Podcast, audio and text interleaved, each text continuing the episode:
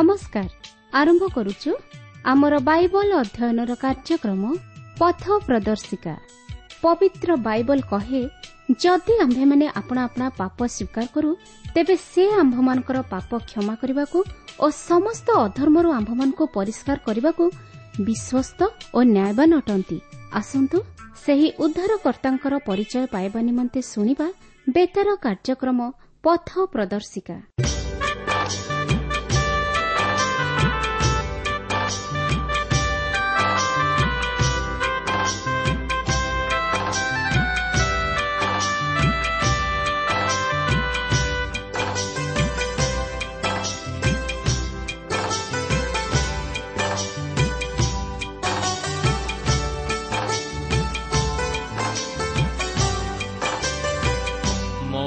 ଜୀବନ ପାଣିର ଫଟୋ ଏଇ ଅଛି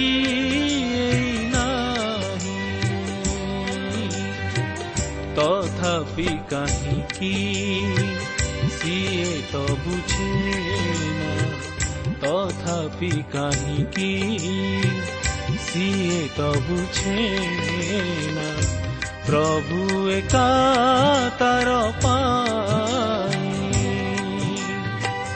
ମଣିଷ ଜୀବନ ପାଣିର ଫଟୋ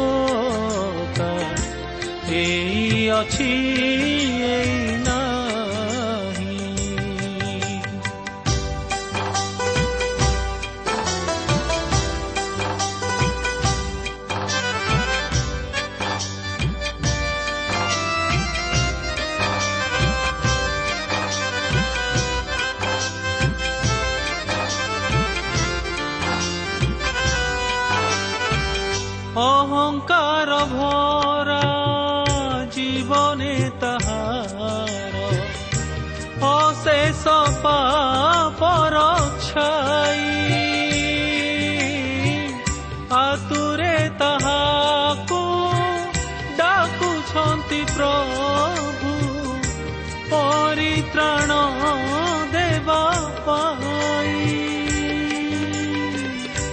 যাইবে সে কাহি কাহিকি বুঝিত পারি না তেবে সে কাহি কাহিকি বুঝিত পারি না তা জীবন প্রভু পাই ମଣିଷ জীবন ପାଣିର ଫଟୋ ଏଇ ଅଛି ଏଇ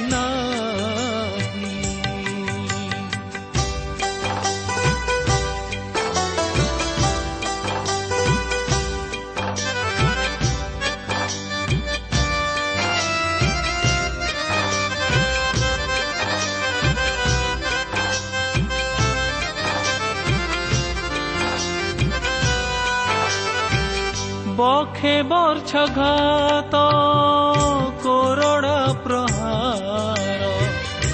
ସହିଲେ ସେ ମଥା ନଇ ଶରୀରଟା ତାଙ୍କ କୃଷେ ଚଢ଼ିଗଲା। ପାପି ମଣି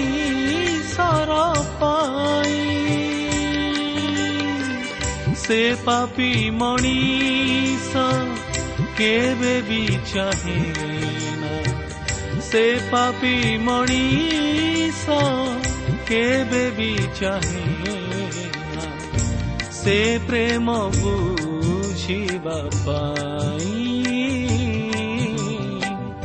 ମଣିଷ ଜୀବନ ପାଣିର ଫଟୋ ଏଇ ଅଛି ନାହିଁ ତଥାପି କାହିଁକି ସିଏ ତ ବୁଝେ ନା ତଥାପି କାହିଁକି ସିଏ ତ ବୁଝେ ନା ପ୍ରଭୁ ଏକା ତାର ପାଇ ମଣିଷ ଜୀବନ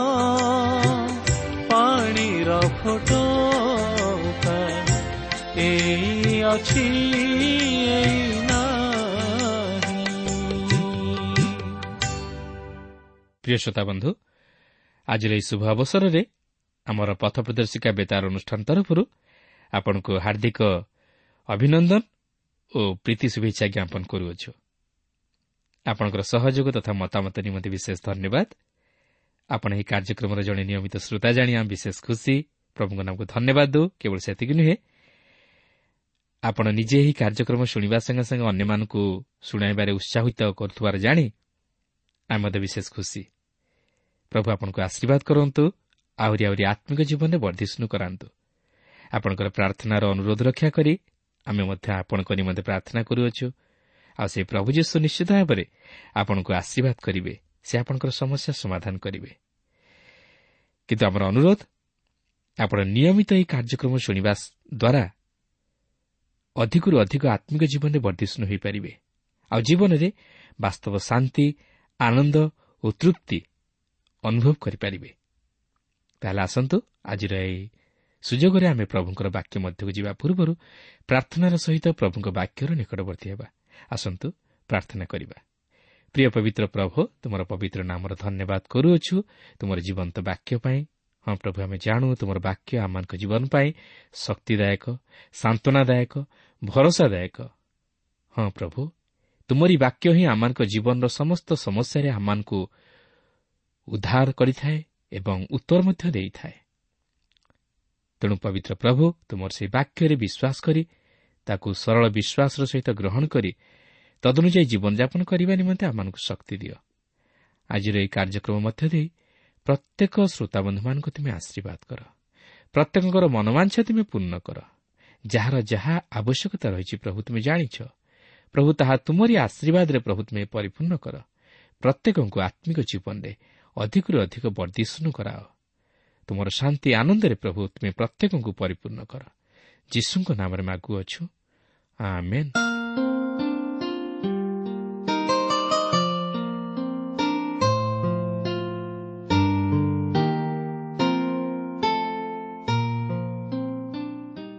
ଆସନ୍ତୁ ବର୍ତ୍ତମାନ ଆମେ ପ୍ରଭୁଙ୍କର ବାକ୍ୟ ମଧ୍ୟକୁ ଯିବା।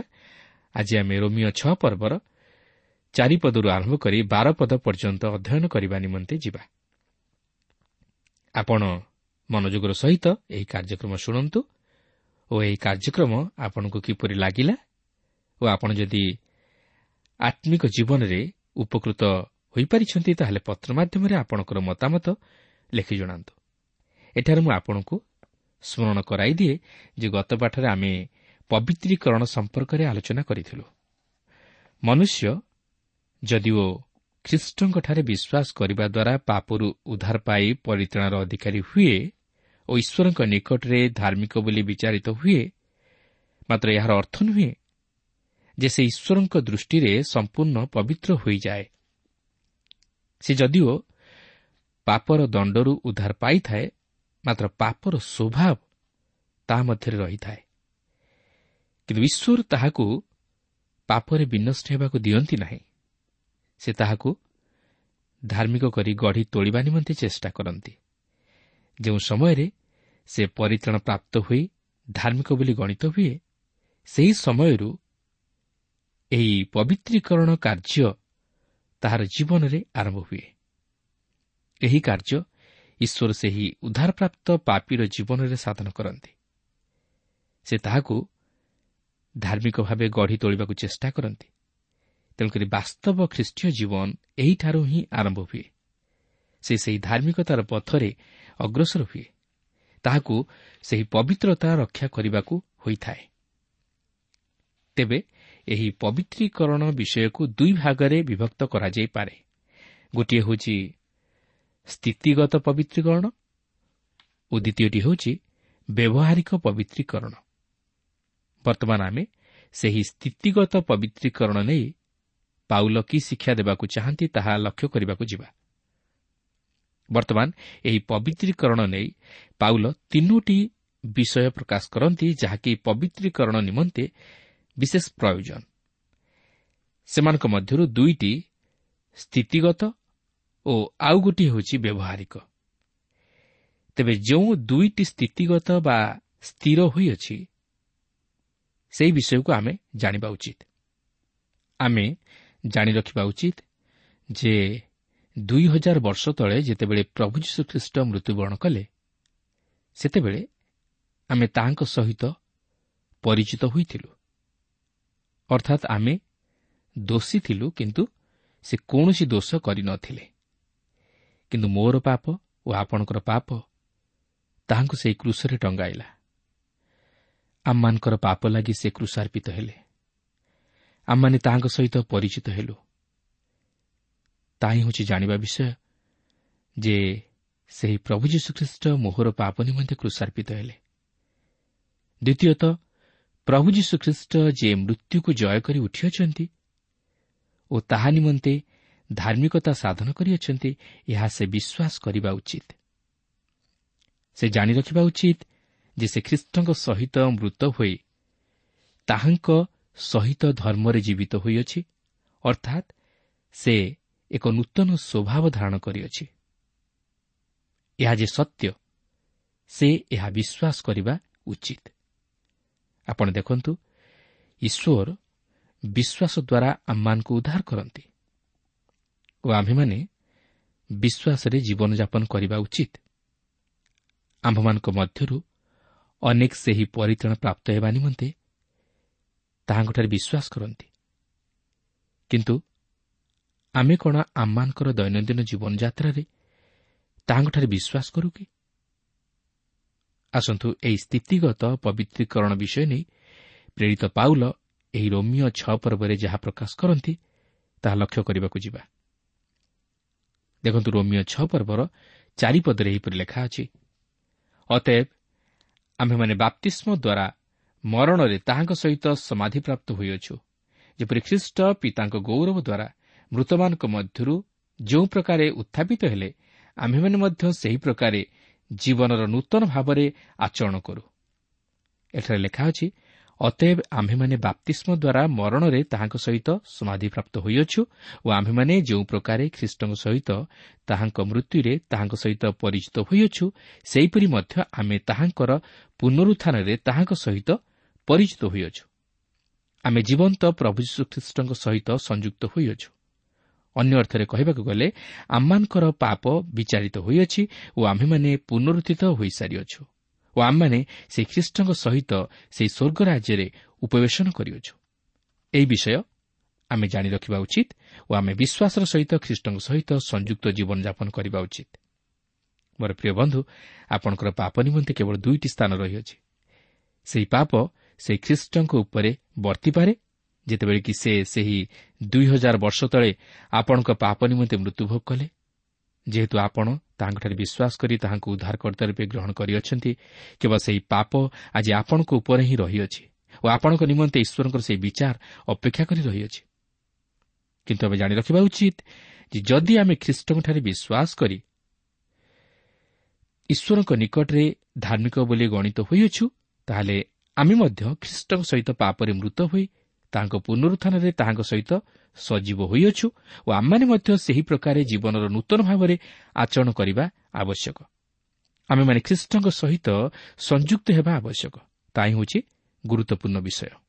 ତେଣୁ ଏହି ବିଷୟ ଜାଣି ରଖନ୍ତୁ ଓ ଏହାକୁ ଭୁଲନ୍ତୁ ନାହିଁ। କିନ୍ତୁ ଯଦି ଏହି ସତ୍ୟକୁ ଆପଣ ନ ଜାଣନ୍ତି ବା ଭୁଲିଯାଆନ୍ତି କିମ୍ବା ଏହି ସତ୍ୟ ଉପରେ ବିଶ୍ୱାସ ନ କରନ୍ତି ତାହେଲେ ଆପଣ ଖ୍ରୀଷ୍ଟୀୟ ଜୀବନର ଏକ ମହାନ ସତ୍ୟତାକୁ ହରାଇ ବସିଛନ୍ତି। କିନ୍ତୁ ଏହା ଯେପରି ଆପଣଙ୍କ ଜୀବନରେ ନ ଘଟେ ଏଥିନିମନ୍ତେ ସତର୍କ ରୁହନ୍ତୁ। ଏହାପରେ ଛଅ ପର୍ବର ପାଞ୍ଚ ପଦରେ ଲେଖା ଅଛି କାରଣ ଯଦି ଆମ୍ଭେମାନେ ତାହାଙ୍କ ମୃତ୍ୟୁର ସାଦୃଶ୍ୟରେ ମୃତ୍ୟୁଭୋଗ କରି ତାହାଙ୍କ ସହିତ ଏକୀଭୂତ ହୋଇଅଛୁ ତାହେଲେ ନିଶ୍ଚୟ ତାହାଙ୍କ ପୁନରୁତ୍ଥାନର ସାଦୃଶ୍ୟରେ ମଧ୍ୟ ଉତ୍ଥିତ ହୋଇ ତାହାଙ୍କ ସହିତ ଏକୀଭୂତ ହେବା। ଅନ୍ୟ ଅର୍ଥରେ କହିବାକୁ ଗଲେ ଆମେ ସେହି ଖ୍ରୀଷ୍ଟଙ୍କଠାରେ ବିଶ୍ୱାସରେ ସ୍ଥିର ରହିଲେ ଆମମାନେ ମଧ୍ୟ ଜୀବନ ପ୍ରାପ୍ତ ହେବା। ଯେହେତୁ ସେହି ଖ୍ରୀଷ୍ଟଙ୍କର ଜୀବନ ଆମର ଜୀବନ ହୁଏ। କାରଣ ଆମେ ସେହି ଖ୍ରୀଷ୍ଟଙ୍କ ଜୀବନର ଅଂଶୀ ହେଉ। କିପରି? ତାଙ୍କ ସହିତ ପାପରେ ମୃତ ହୋଇ ତାଙ୍କ ପୁନରୁତ୍ଥାନରେ ଧର୍ମରେ ଜୀବିତ ହେବା ଦ୍ୱାରା ସେହି ଜୀବନ ପ୍ରାପ୍ତ ହୋଇ ତାହାଙ୍କ ସହିତ ସଂଯୁକ୍ତ ହେଉ ଓ ଖ୍ରୀଷ୍ଟୀୟ ଜୀବନରେ ଅଂଶୀ ହେଉ। ଯେପରି ଗୋଟିଏ ବୃକ୍ଷର ଶାଖା ସେହି ବୃକ୍ଷ ସହିତ ସଂଯୁକ୍ତ ହୋଇ ସେହି ବୃକ୍ଷର ଜୀବନର ଅଂଶୀ ହୁଏ ପ୍ରିୟ ବନ୍ଧୁ ଆଜି ଯଦି ଆମେ ପରିଚାଳନା ପ୍ରାପ୍ତ ହୋଇଅଛୁ ତାହେଲେ ଆମେ କ'ଣ ସେହି ଖ୍ରୀଷ୍ଟଙ୍କଠାରେ ସଂଯୁକ୍ତ ଜୀବନଯାପନ କରୁଅଛୁ ଯଦି ଆମେ ଖ୍ରୀଷ୍ଟଙ୍କ ସହିତ ସଂଯୁକ୍ତ ହୋଇନାହୁଁ ତାହେଲେ ଆମେ ଜୀବନ ପାଇବା ନାହିଁ। ଆମେ ଆତ୍ମିକ ଜୀବନରେ ବର୍ଦ୍ଧିଷ୍ଣୁ ହୋଇପାରିବା ନାହିଁ କି ଆତ୍ମିକ ଫଳ ଧାରଣ କରିପାରିବା ନାହିଁ। ଖ୍ରୀଷ୍ଟ ବିଶ୍ୱାସୀର ଜୀବନ ଏକ ଫଳହୀନ ଜୀବନ ନୁହେଁ। ମାତ୍ର ଏକ ଫଳପୂର୍ଣ୍ଣ ଜୀବନ। ଆଜି ଅନେକ ଲୋକ ଖ୍ରୀଷ୍ଟଙ୍କଠାରେ ବିଶ୍ୱାସ କରି ପରିତାଣ ପ୍ରାପ୍ତ ହୁଅନ୍ତି ମାତ୍ର ସେମାନେ ପରିତାଣ ପ୍ରାପ୍ତ ହେବା ପରେ ଖ୍ରୀଷ୍ଟଙ୍କ ସହିତ ସଂଯୁକ୍ତ ରୁହନ୍ତି ନାହିଁ। ସେମାନେ ଖ୍ରୀଷ୍ଟଙ୍କଠାରୁ ଦୂରବର୍ତ୍ତୀ ଜୀବନଯାପନ କରିବାକୁ ଚେଷ୍ଟା କରନ୍ତି ଓ ଖ୍ରୀଷ୍ଟଙ୍କଠାରେ ବିଶ୍ୱାସରେ ସ୍ଥିର ରହିପାରନ୍ତି ନାହିଁ। ମାତ୍ର ଈଶ୍ୱର ସେମାନଙ୍କୁ ଛାଡ଼ି ଦିଅନ୍ତି ନାହିଁ। ସେ ବିଭିନ୍ନ ଉପାୟରେ ସେମାନଙ୍କୁ ତାହାଙ୍କର ନିକଟବର୍ତ୍ତୀ କରାନ୍ତି।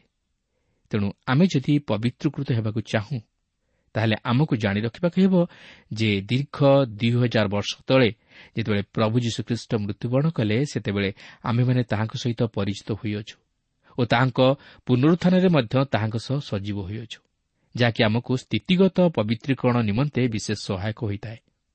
ତେଣୁ ଏହି ସ୍ଥିତିଗତ ପବିତ୍ରୀକରଣ ସମ୍ପର୍କରେ ଜାଣିବାକୁ ହେଲେ ଆମକୁ କିଛି ଜାଣିବାକୁ ହେବ। ଆଉ ତାହା ହେଉଛି ଈଶ୍ୱର ଜଣେ ପାପୀକୁ ତାହାଙ୍କ ମନୋରମତ ବ୍ୟକ୍ତିରେ ପରିଣତ କରି ଗଢ଼ି ତୋଳିବାରେ ସେ ଯେଉଁ ଉପାୟ ଅବଲମ୍ବନ କରନ୍ତି ତାହା ଆମମାନଙ୍କୁ ଜାଣି ରଖିବାକୁ ହେବ।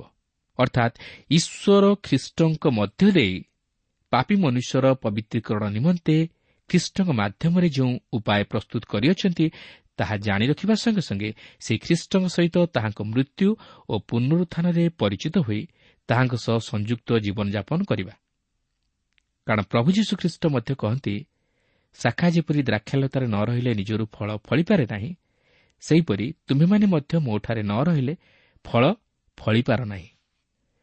ଏହାପରେ ରୋମିଓ ଛଅ ପର୍ବର ଛଅ ଓ ସାତ ପଦରେ ଏହିପରି ଲେଖା ଅଛି ଯେପରି ଆମ୍ଭେମାନେ ଆଉ ପାପର ଦାସତ୍ୱରେ ନ ରହୁ ଏଥିପାଇଁ ପାପର ଶରୀର ବିନଷ୍ଟ ହେବା ନିମନ୍ତେ ଆମମାନଙ୍କର ପୁରାତନ ସ୍ୱଭାବ ଯେ ତାହାଙ୍କ ସହିତ କୃଷରେ ହତ ହୋଇଅଛି ଏହା ତ ଆମମାନେ ଜାଣୁ। କାରଣ ଯେ ମରିଅଛି ସେ ପାପରୁ ମୁକ୍ତ ହୋଇଅଛି। ଲେଖା ଅଛି ଏହା ତ ଆମମାନେ ଜାଣୁ। ଏହି ସମସ୍ତ ବିଷୟ ଯାହାକି ଆମ୍ଭେମାନେ ଜାଣୁ। ଜଣେ ଖ୍ରୀଷ୍ଟ ବିଶ୍ୱାସୀ ଜାଣେ ଯେ ତାହାର ପୁରାତନ ସ୍ୱଭାବ ତାହାଙ୍କ ସହିତ କୃଷରେ ହତ ହୋଇଅଛି। ଏହାର ଅର୍ଥ ଆମମାନଙ୍କର ପାପ ସେହି କୃଷରେ ହତ ହେବା ଦ୍ୱାରା ଆମ୍ଭେମାନେ ପାପ ପ୍ରତି ମୃତ ହୋଇଅଛୁ ଓ ସେହି ସମୟଠାରୁ ଅର୍ଥାତ୍ ଯେଉଁ ସମୟଠାରୁ ଆମମାନେ ପରିଚାଳନା ପ୍ରାପ୍ତ ହୋଇଅଛୁ ସେହି ସମୟଠାରୁ ଆମମାନେ ଆଉ ପାପ କରିବା ଉଚିତ ନୁହେଁ। ତେବେ ପାଉଲ ଏଠାରେ କହନ୍ତି ନାହିଁ ଯେ ଆମମାନଙ୍କର ସେହି ପାପର ସ୍ୱଭାବ ଦୂର ହୋଇଯାଇଅଛି। ମାତ୍ର ସେ କହନ୍ତି ଯେ ଯେହେତୁ ସେହି ପୁରାତନ ସ୍ୱଭାବ କୃଷରେ ହତ ହୋଇଅଛି ତେଣୁକରି ସେହି ପାପର ଶରୀର ବିନଷ୍ଟ ହୋଇଅଛି ଓ ଆମ୍ଭେମାନେ ସେହି ପାପର ବନ୍ଧନରେ ବା ପାପର ଦାସତ୍ୱ ବନ୍ଧନରେ ଆଉ ରହିନଥାଉ। ଏହାର ଅର୍ଥ ଯେଉଁମାନେ ଖ୍ରୀଷ୍ଟଙ୍କ ସହିତ ପାପରେ ମୃତ ହୋଇଅଛନ୍ତି ସେମାନେ ଖ୍ରୀଷ୍ଟଙ୍କ ସହିତ ମଧ୍ୟ ସଜୀବ ହୋଇଅଛନ୍ତି। ଅର୍ଥାତ୍ ସେମାନେ ପାପରୁ ଉଦ୍ଧାର ପାଇ ଧାର୍ମିକ ବୋଲି ବିବେଚିତ ହୋଇଅଛନ୍ତି ତାହା ହିଁ ସେମାନଙ୍କର ସ୍ଥିତି ଏହା କେବଳ ବିଶ୍ୱାସ ଦ୍ୱାରା ସମ୍ଭବ ଛଅ ପର୍ବର ଆଠ ପଦରେ ଲେଖା ଅଛି କିନ୍ତୁ ଆମ୍ଭେମାନେ ଯଦି ଖ୍ରୀଷ୍ଟଙ୍କ ସହିତ ମରିଅଛୁ ତାହେଲେ ଆମ୍ଭେମାନେ ଯେ ତାହାଙ୍କ ସହିତ ମଧ୍ୟ ବଞ୍ଚିବା ଏହା ଆମ୍ଭେମାନେ ବିଶ୍ୱାସ କରୁ। ଯଦି ଆମମାନେ ଖ୍ରୀଷ୍ଟଙ୍କ ସହିତ ମୃତ୍ୟୁ ଭୋଗ କରିଅଛୁ ତାହେଲେ ଆମେ ବିଶ୍ୱାସ କରୁ ଯେ ଆମ୍ଭେମାନେ ମଧ୍ୟ ତାହାଙ୍କ ସହିତ ବାସ କରିବା। ଏହି ସ୍ଥାନରେ ପୁଣି ସ୍ୱର୍ଗରେ ବାସ କରିବା। ଆଜି ଆମେ ତାହାଙ୍କର ସେହି ପୁନରୁତ୍ଥାନର ଜୀବନର ଅଂଶୀ ହେଉ ଓ ଆମମାନେ ମଧ୍ୟ ଦିନେ ମୃତ୍ୟୁରୁ ପୁନରୁଦ୍ଧିତ ହେବା ଯେହେତୁ ସେହି ଖ୍ରୀଷ୍ଟ ମୃତ୍ୟୁଞ୍ଜୟୀ। ଛଅ ପର୍ବର ନଅ ପଦରେ ଲେଖା ଅଛି ଖ୍ରୀଷ୍ଟ ମୃତମାନଙ୍କ ମଧ୍ୟରୁ ଉତ୍ଥାପିତ ହେବାରୁ ଯେ ଆଉ କେବେ ମରିବେ ନାହିଁ ଏହା ତ ଆମମାନେ ଜାଣୁ। ତାହାଙ୍କ ଉପରେ ମୃତ୍ୟୁର ଆଉ କର୍ତ୍ତୃତ୍ୱ ନାହିଁ। ଦେଖନ୍ତୁ ଏଠାରେ ମଧ୍ୟ ଲେଖା ଅଛି ଏହା ତ ଆମମାନେ ଜାଣୁ। ଏହି ବିଷୟ ଆମେ ଜାଣି ରଖିବା ଉଚିତ। ଆଉ ଏହି ବିଷୟ ହେଉଛି ଯେ ପୁନରୁଦ୍ଧିତ ପ୍ରଭୁ ଶ୍ରୀଖ୍ରୀଷ୍ଟ ଆମର ଅନନ୍ତ ଜୀବନ। ସେ ହେଉଛନ୍ତି ଅମର ଓ ସେ ହିଁ ହେଉଛନ୍ତି ଅନନ୍ତ ଜୀବନ। ତେଣୁକରି ପ୍ରଭୁ ଯୀଶୁଖ୍ରୀଷ୍ଟ ମଧ୍ୟ କହନ୍ତି ଯାହାକି ପ୍ରକାଶିତ ପ୍ରଥମ ପର୍ବର ଅଠର ପଦରେ ଲେଖା ଅଛି ଭୟ କର ନାହିଁ ଆମ୍ଭେ ପ୍ରଥମ ଓ ଶେଷ। ପୁଣି ସ୍ୱୟଂ ଯିବି ଆମ୍ଭେ ମୃତ ହେଲୁ ଆଉ ଦେଖ ଆମ୍ଭେ ଯୁଗେ ଯୁଗେ ଜୀବିତ ଅଟୁ। ପୁଣି ଆମ୍ଭର ହସ୍ତରେ ମୃତ୍ୟୁ ଓ ପାତାଳର କଞ୍ଚି ଅଛି। ବାସ୍ତବରେ ପୁନରୁତ୍ଥାନ ପ୍ରଭୁ ଯୀଶୁଖ୍ରୀଷ୍ଟଙ୍କ ନିମନ୍ତେ ସେହି ଅନନ୍ତ ଜୀବନ ଖୋଲିଦେଲା।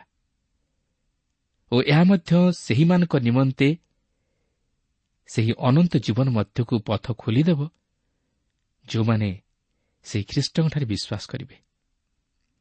କାରଣ ଖ୍ରୀଷ୍ଟ ହିଁ ହେଉଛନ୍ତି ଅନନ୍ତ ଜୀବନ। ସେ ହିଁ କେବଳ ଅନନ୍ତ ଜୀବନ ପ୍ରଦାନ କରିପାରନ୍ତି। ବାସ୍ତବରେ ସେହି ପୁନରୁତ୍ଥାନ ଆଜି ଉଦ୍ଧାରପ୍ରାପ୍ତ ପାପୀଙ୍କ ନିମନ୍ତେ କେବଳ ସେହି ସ୍ଥିତିଗତ ପବିତ୍ରୀକରଣକୁ ଦର୍ଶାଏ ନାହିଁ। ମାତ୍ର ଏଥିସହିତ ତାହା ନିମନ୍ତେ ଏକ ମହାନ ଭରସା ଓ ସେହି ଅନନ୍ତ ଜୀବନର ଆଶା। ଛଅ ପର୍ବର ଦଶ ପଦରେ ଲେଖା ଅଛି କାରଣ ସେ ଯେଉଁ ମୃତ୍ୟୁଭୋଗ କଲେ ତଦ୍ୱାରା ସେ ଏକାଥରେ ପାପ ପ୍ରତି ମୃତ ହେଲେ କିନ୍ତୁ ସେ ଯେଉଁ ଜୀବନରେ ଜୀବିତ ସେଥିରେ ସେ ଈଶ୍ୱରଙ୍କ ପ୍ରତି ଜୀବିତ ଅଟନ୍ତି। ଏହାର ଅର୍ଥ ସେ ଥରେ ମୃତ୍ୟୁଭୋଗ କଲେ ମାତ୍ର ସେ ଆଜି ଜୀବିତ ଅଟନ୍ତି। ଓ ସେ ସଦାସର୍ବଦା ଜୀବିତ। ଓ ସେ ଆଜି ମଧ୍ୟ ତାହାଙ୍କର ଲୋକମାନଙ୍କ ନିମନ୍ତେ ପିତା ଈଶ୍ୱରଙ୍କ ନିକଟରେ ନିତ୍ୟ ନିବେଦନ କରନ୍ତି। ସେହି କାରଣରୁ ସେ ଆଜି ମଧ୍ୟ ଆପଣଙ୍କୁ ଉଦ୍ଧାର କରିବା ନିମନ୍ତେ ସମର୍ଥ ଯେହେତୁ ସେ ଆଜି ମଧ୍ୟ ଜୀବିତ ଈଶ୍ୱର। ବର୍ତ୍ତମାନ ଆମେ ସେହି ଦ୍ୱିତୀୟ ବିଷୟକୁ ଆସୁଅଛୁ ଯାହାକି ଆମ୍ଭେମାନେ ବିଶ୍ୱାସୀ ରୂପେ ପରିଗଣିତ ହୋଇଥିବାରୁ ଆମ୍ଭମାନେ ମଧ୍ୟ ଖ୍ରୀଷ୍ଟଙ୍କ ସହିତ ପରିଚିତ ହୋଇ ପାପର ପ୍ରତି ମୃତ ଓ ଖ୍ରୀଷ୍ଟ ଯୀଶୁଙ୍କ ସହଭାଗିତାରେ ଥାଇ ଈଶ୍ୱରଙ୍କ ପ୍ରତି ଜୀବିତ ବୋଲି ଗଣନା କରିବା ଉଚିତ। ଅର୍ଥାତ୍ ଆମ୍ଭେମାନେ ଏହି ସତ୍ୟତାକୁ ସତ୍ୟ ବୋଲି ଗ୍ରହଣ କରିବା ଉଚିତ। ଆମ୍ଭେମାନେ ଯେ ତାହାଙ୍କ ସହିତ ପାପରେ ମୃତ ହୋଇ ଧର୍ମରେ ଜୀବିତ ହୋଇଅଛୁ ଏହା ବିଶ୍ୱାସ କରିବା ଉଚିତ। ଆଜି ଅନେକ ଏହି ସତ୍ୟ ଜାଣନ୍ତି ମାତ୍ର ତାହା ସତ୍ୟ ବୋଲି ଗ୍ରହଣ କରନ୍ତି ନାହିଁ। ଆପଣଙ୍କ ନିମନ୍ତେ ମଧ୍ୟ ଏହି ବିଷୟ ଆଶ୍ଚର୍ଯ୍ୟ ପରି ମନେ ହୋଇପାରେ ମାତ୍ର ଏହା ସତ୍ୟ। ଓ ଜଣେ ପରିତ୍ରାଣ ପ୍ରାପ୍ତ ବ୍ୟକ୍ତି ତାହା ଜାଣିପାରେ। ଓ ତହିଁରେ ବିଶ୍ୱାସ କରି ଈଶ୍ୱରଙ୍କ ନିମନ୍ତେ ସ୍ଥିତିଗତ ପବିତ୍ରୀକରଣର ବିଷୟକୁ ସାଧନ କରିପାରେ।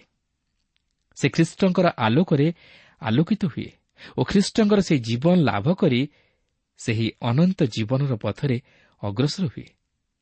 ତେବେ ଦେଖନ୍ତୁ ଛଅ ପର୍ବର ଏଗାର ପଦରେ ଏହିପରି ଲେଖା ଅଛି ସେହି ପ୍ରକାରେ ତୁମ୍ଭେମାନେ ମଧ୍ୟ ଆପଣା ଆପଣାକୁ ପାପ ପ୍ରତି ମୃତ କିନ୍ତୁ ଖ୍ରୀଷ୍ଟ ଯୀଶୁଙ୍କ ସହଭାଗିତାରେ ଥାଇ ଈଶ୍ୱରଙ୍କ ପ୍ରତି ଜୀବିତ ବୋଲି ଗଣନା କର। ତେବେ ଏହା ଉପରେ ମୁଁ ଆଉ ବିଶେଷ କିଛି ବ୍ୟାଖ୍ୟା କରିବାକୁ ଯାଉନାହିଁ କିନ୍ତୁ ସଂକ୍ଷେପରେ କହି ରଖେ ଯେ ଆମେ ସେହି ପ୍ରଭୁ ଯୀଶୁଖ୍ରୀଷ୍ଟଙ୍କଠାରେ ବିଶ୍ୱାସ କରି ପାପରୁ ଉଦ୍ଧାର ପାଇ ସେହି ପରିତ୍ରାଣ ପ୍ରାପ୍ତ ହେବା ପରେ ଆମେ ଯେ ଖ୍ରୀଷ୍ଟଙ୍କ ସହିତ କୃଷରେ ହତ ହୋଇଅଛୁ ଓ ତାହାଙ୍କ ପୁନରୁତ୍ଥାନରେ ତାହାଙ୍କ ସହିତ ସଜୀବ ହୋଇଅଛୁ ଏହା ବିଶ୍ୱାସ କରିବା ଉଚିତ ଓ ଖ୍ରୀଷ୍ଟଙ୍କ ସହିତ ସଂଯୁକ୍ତ ଜୀବନଯାପନ କରି ଖ୍ରୀଷ୍ଟଙ୍କ ନିମନ୍ତେ ବଞ୍ଚିବା ଉଚିତ ଓ ସେହି ଅନନ୍ତ ଜୀବନର ପଥରେ ଅଗ୍ରସର ହେବା ଉଚିତ। ଏହା ହିଁ ହେଉଛି ସ୍ଥିତିଗତ ପବିତ୍ରୀକରଣ ଯାହାକି ଜଣେ ଉଦ୍ଧାରପ୍ରାପ୍ତ ବା ପରିତ୍ରାଣପ୍ରାପ୍ତ ପାପି ତହିଁର ଅନୁଗାମୀ ହେବା ଆବଶ୍ୟକ ଓ ଖ୍ରୀଷ୍ଟଙ୍କ ନିମନ୍ତେ ପବିତ୍ର ଜୀବନଯାପନ କରିବା ଆବଶ୍ୟକ। ନିଜର ଦୈନନ୍ଦିନ ଜୀବନରେ ଖ୍ରୀଷ୍ଟଙ୍କୁ ସଙ୍ଗରେ ନେଇ ଚାଲିବା ଆବଶ୍ୟକ। ଖ୍ରୀଷ୍ଟଙ୍କ ନିମନ୍ତେ ବଞ୍ଚିବା ଆବଶ୍ୟକ। ଖ୍ରୀଷ୍ଟଙ୍କ ନିମନ୍ତେ ସମସ୍ତ ଧର୍ମକର୍ମ ସାଧନ କରିବା ଆବଶ୍ୟକ ଓ ଖ୍ରୀଷ୍ଟଙ୍କର ଜୀବନ ତାହାର ମଧ୍ୟ ଦେଇ ପ୍ରତିଫଳିତ ହେବା ଆବଶ୍ୟକ। ଖ୍ରୀଷ୍ଟଙ୍କର ପ୍ରେମ ତଥା ପବିତ୍ରତା ତାହାର ଜୀବନ ମଧ୍ୟ ଦେଇ ପ୍ରକାଶିତ ହେବା ଆବଶ୍ୟକ। କାରଣ ପରିତ୍ରାଣ ପ୍ରାପ୍ତ ହୋଇଗଲେ ଯଥେଷ୍ଟ ନୁହେଁ। ମାତ୍ର ସେହି ପରିତ୍ରାଣ ନିମନ୍ତେ ବିଶେଷ ଯତ୍ନବାନ ହେବାକୁ ହେବ। ପରିତ୍ରାଣର ଉପଯୁକ୍ତ ଫଳ ଧାରଣ କରିବାକୁ ହେବ। ସେହି ଧାର୍ମିକତାର ପଥରେ ଅଗ୍ରସର ହୋଇ ଈଶ୍ୱରଙ୍କର ଗ୍ରାହ୍ୟ ଧାର୍ମିକତା ସାଧନ କରିବାକୁ ହେବ। ଏହାପରେ ଛଅ ପର୍ବର ବାରପଦରେ ଏହିପରି ଲେଖା ଅଛି ଅତଏବ ପାପ ତୁମାନଙ୍କ ମର୍ତ୍ତ୍ୟ ଶରୀରରେ ରାଜତ୍ୱ ନ କରୁ। ତାହା କଲେ ତୁମ୍ଭେମାନେ ସେଥିର କୁ ଅଭିଳାଷଗୁଡ଼ାକର ବଶବର୍ତ୍ତୀ ହେବ। ଆପଣ ପାପକୁ ଆପଣଙ୍କ ଜୀବନରେ ରାଜତ୍ୱ କରିବାକୁ ଦିଅନ୍ତୁ ନାହିଁ। କାରଣ ତାହାଦ୍ୱାରା ଆପଣ ଶାରୀରିକ କୂଅଭିଳାଷଗୁଡ଼ାକର ବଶବର୍ତ୍ତୀ ହେବେ। ପ୍ରିୟ ବନ୍ଧୁ ଜଣେ ଉଦ୍ଧାରପ୍ରାପ୍ତ ପାପୀ ଯଦିଓ ଈଶ୍ୱରଙ୍କ ଅନୁଗ୍ରହରେ ପରିଚାଳନା ପ୍ରାପ୍ତ ହୋଇଥାଏ ମାତ୍ର ଏହାର ଅର୍ଥ ନୁହେଁ ଯେ ସେ ତାହା ପରେ ପୁନର୍ବାର ପାପରେ ଜୀବନ ଅତିବାହିତ କରିବ ମାତ୍ର ଈଶ୍ୱର ତାହା କରାଇ ଦିଅନ୍ତି ନାହିଁ। ସେ ତାହାକୁ କୌଣସି ଉପାୟରେ ରକ୍ଷା କରନ୍ତି। ପ୍ରିୟ ବନ୍ଧୁ ପରିତାଣ ଈଶ୍ୱରଙ୍କର ଅନୁଗ୍ରହର ଦାନ।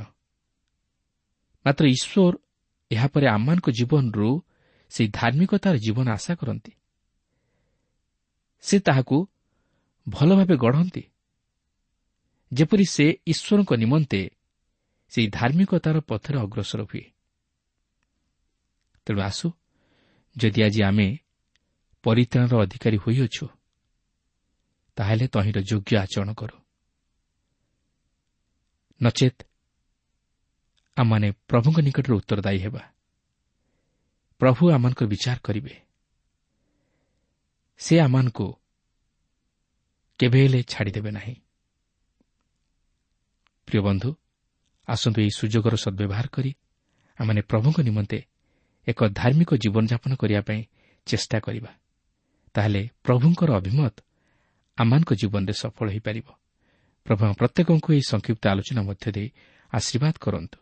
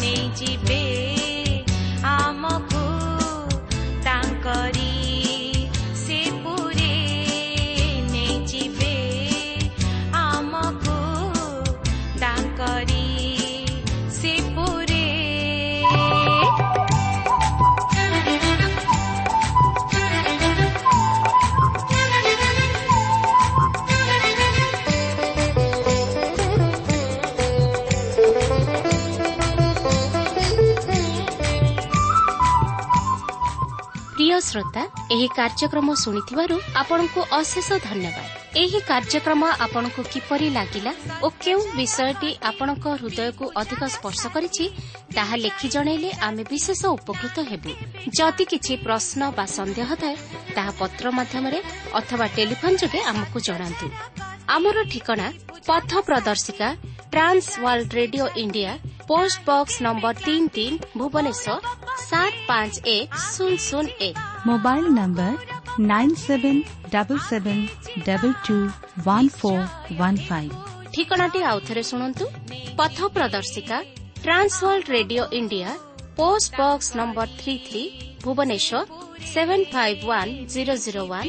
Mobile number nine seven double seven double two one four one five. আমার ইমেল আড্রেসটি লিখে রাখুন ওড়িয়া টিভি আট radio eight eight two dot com তেবে আজ এইঠারে রখুছু নমস্কার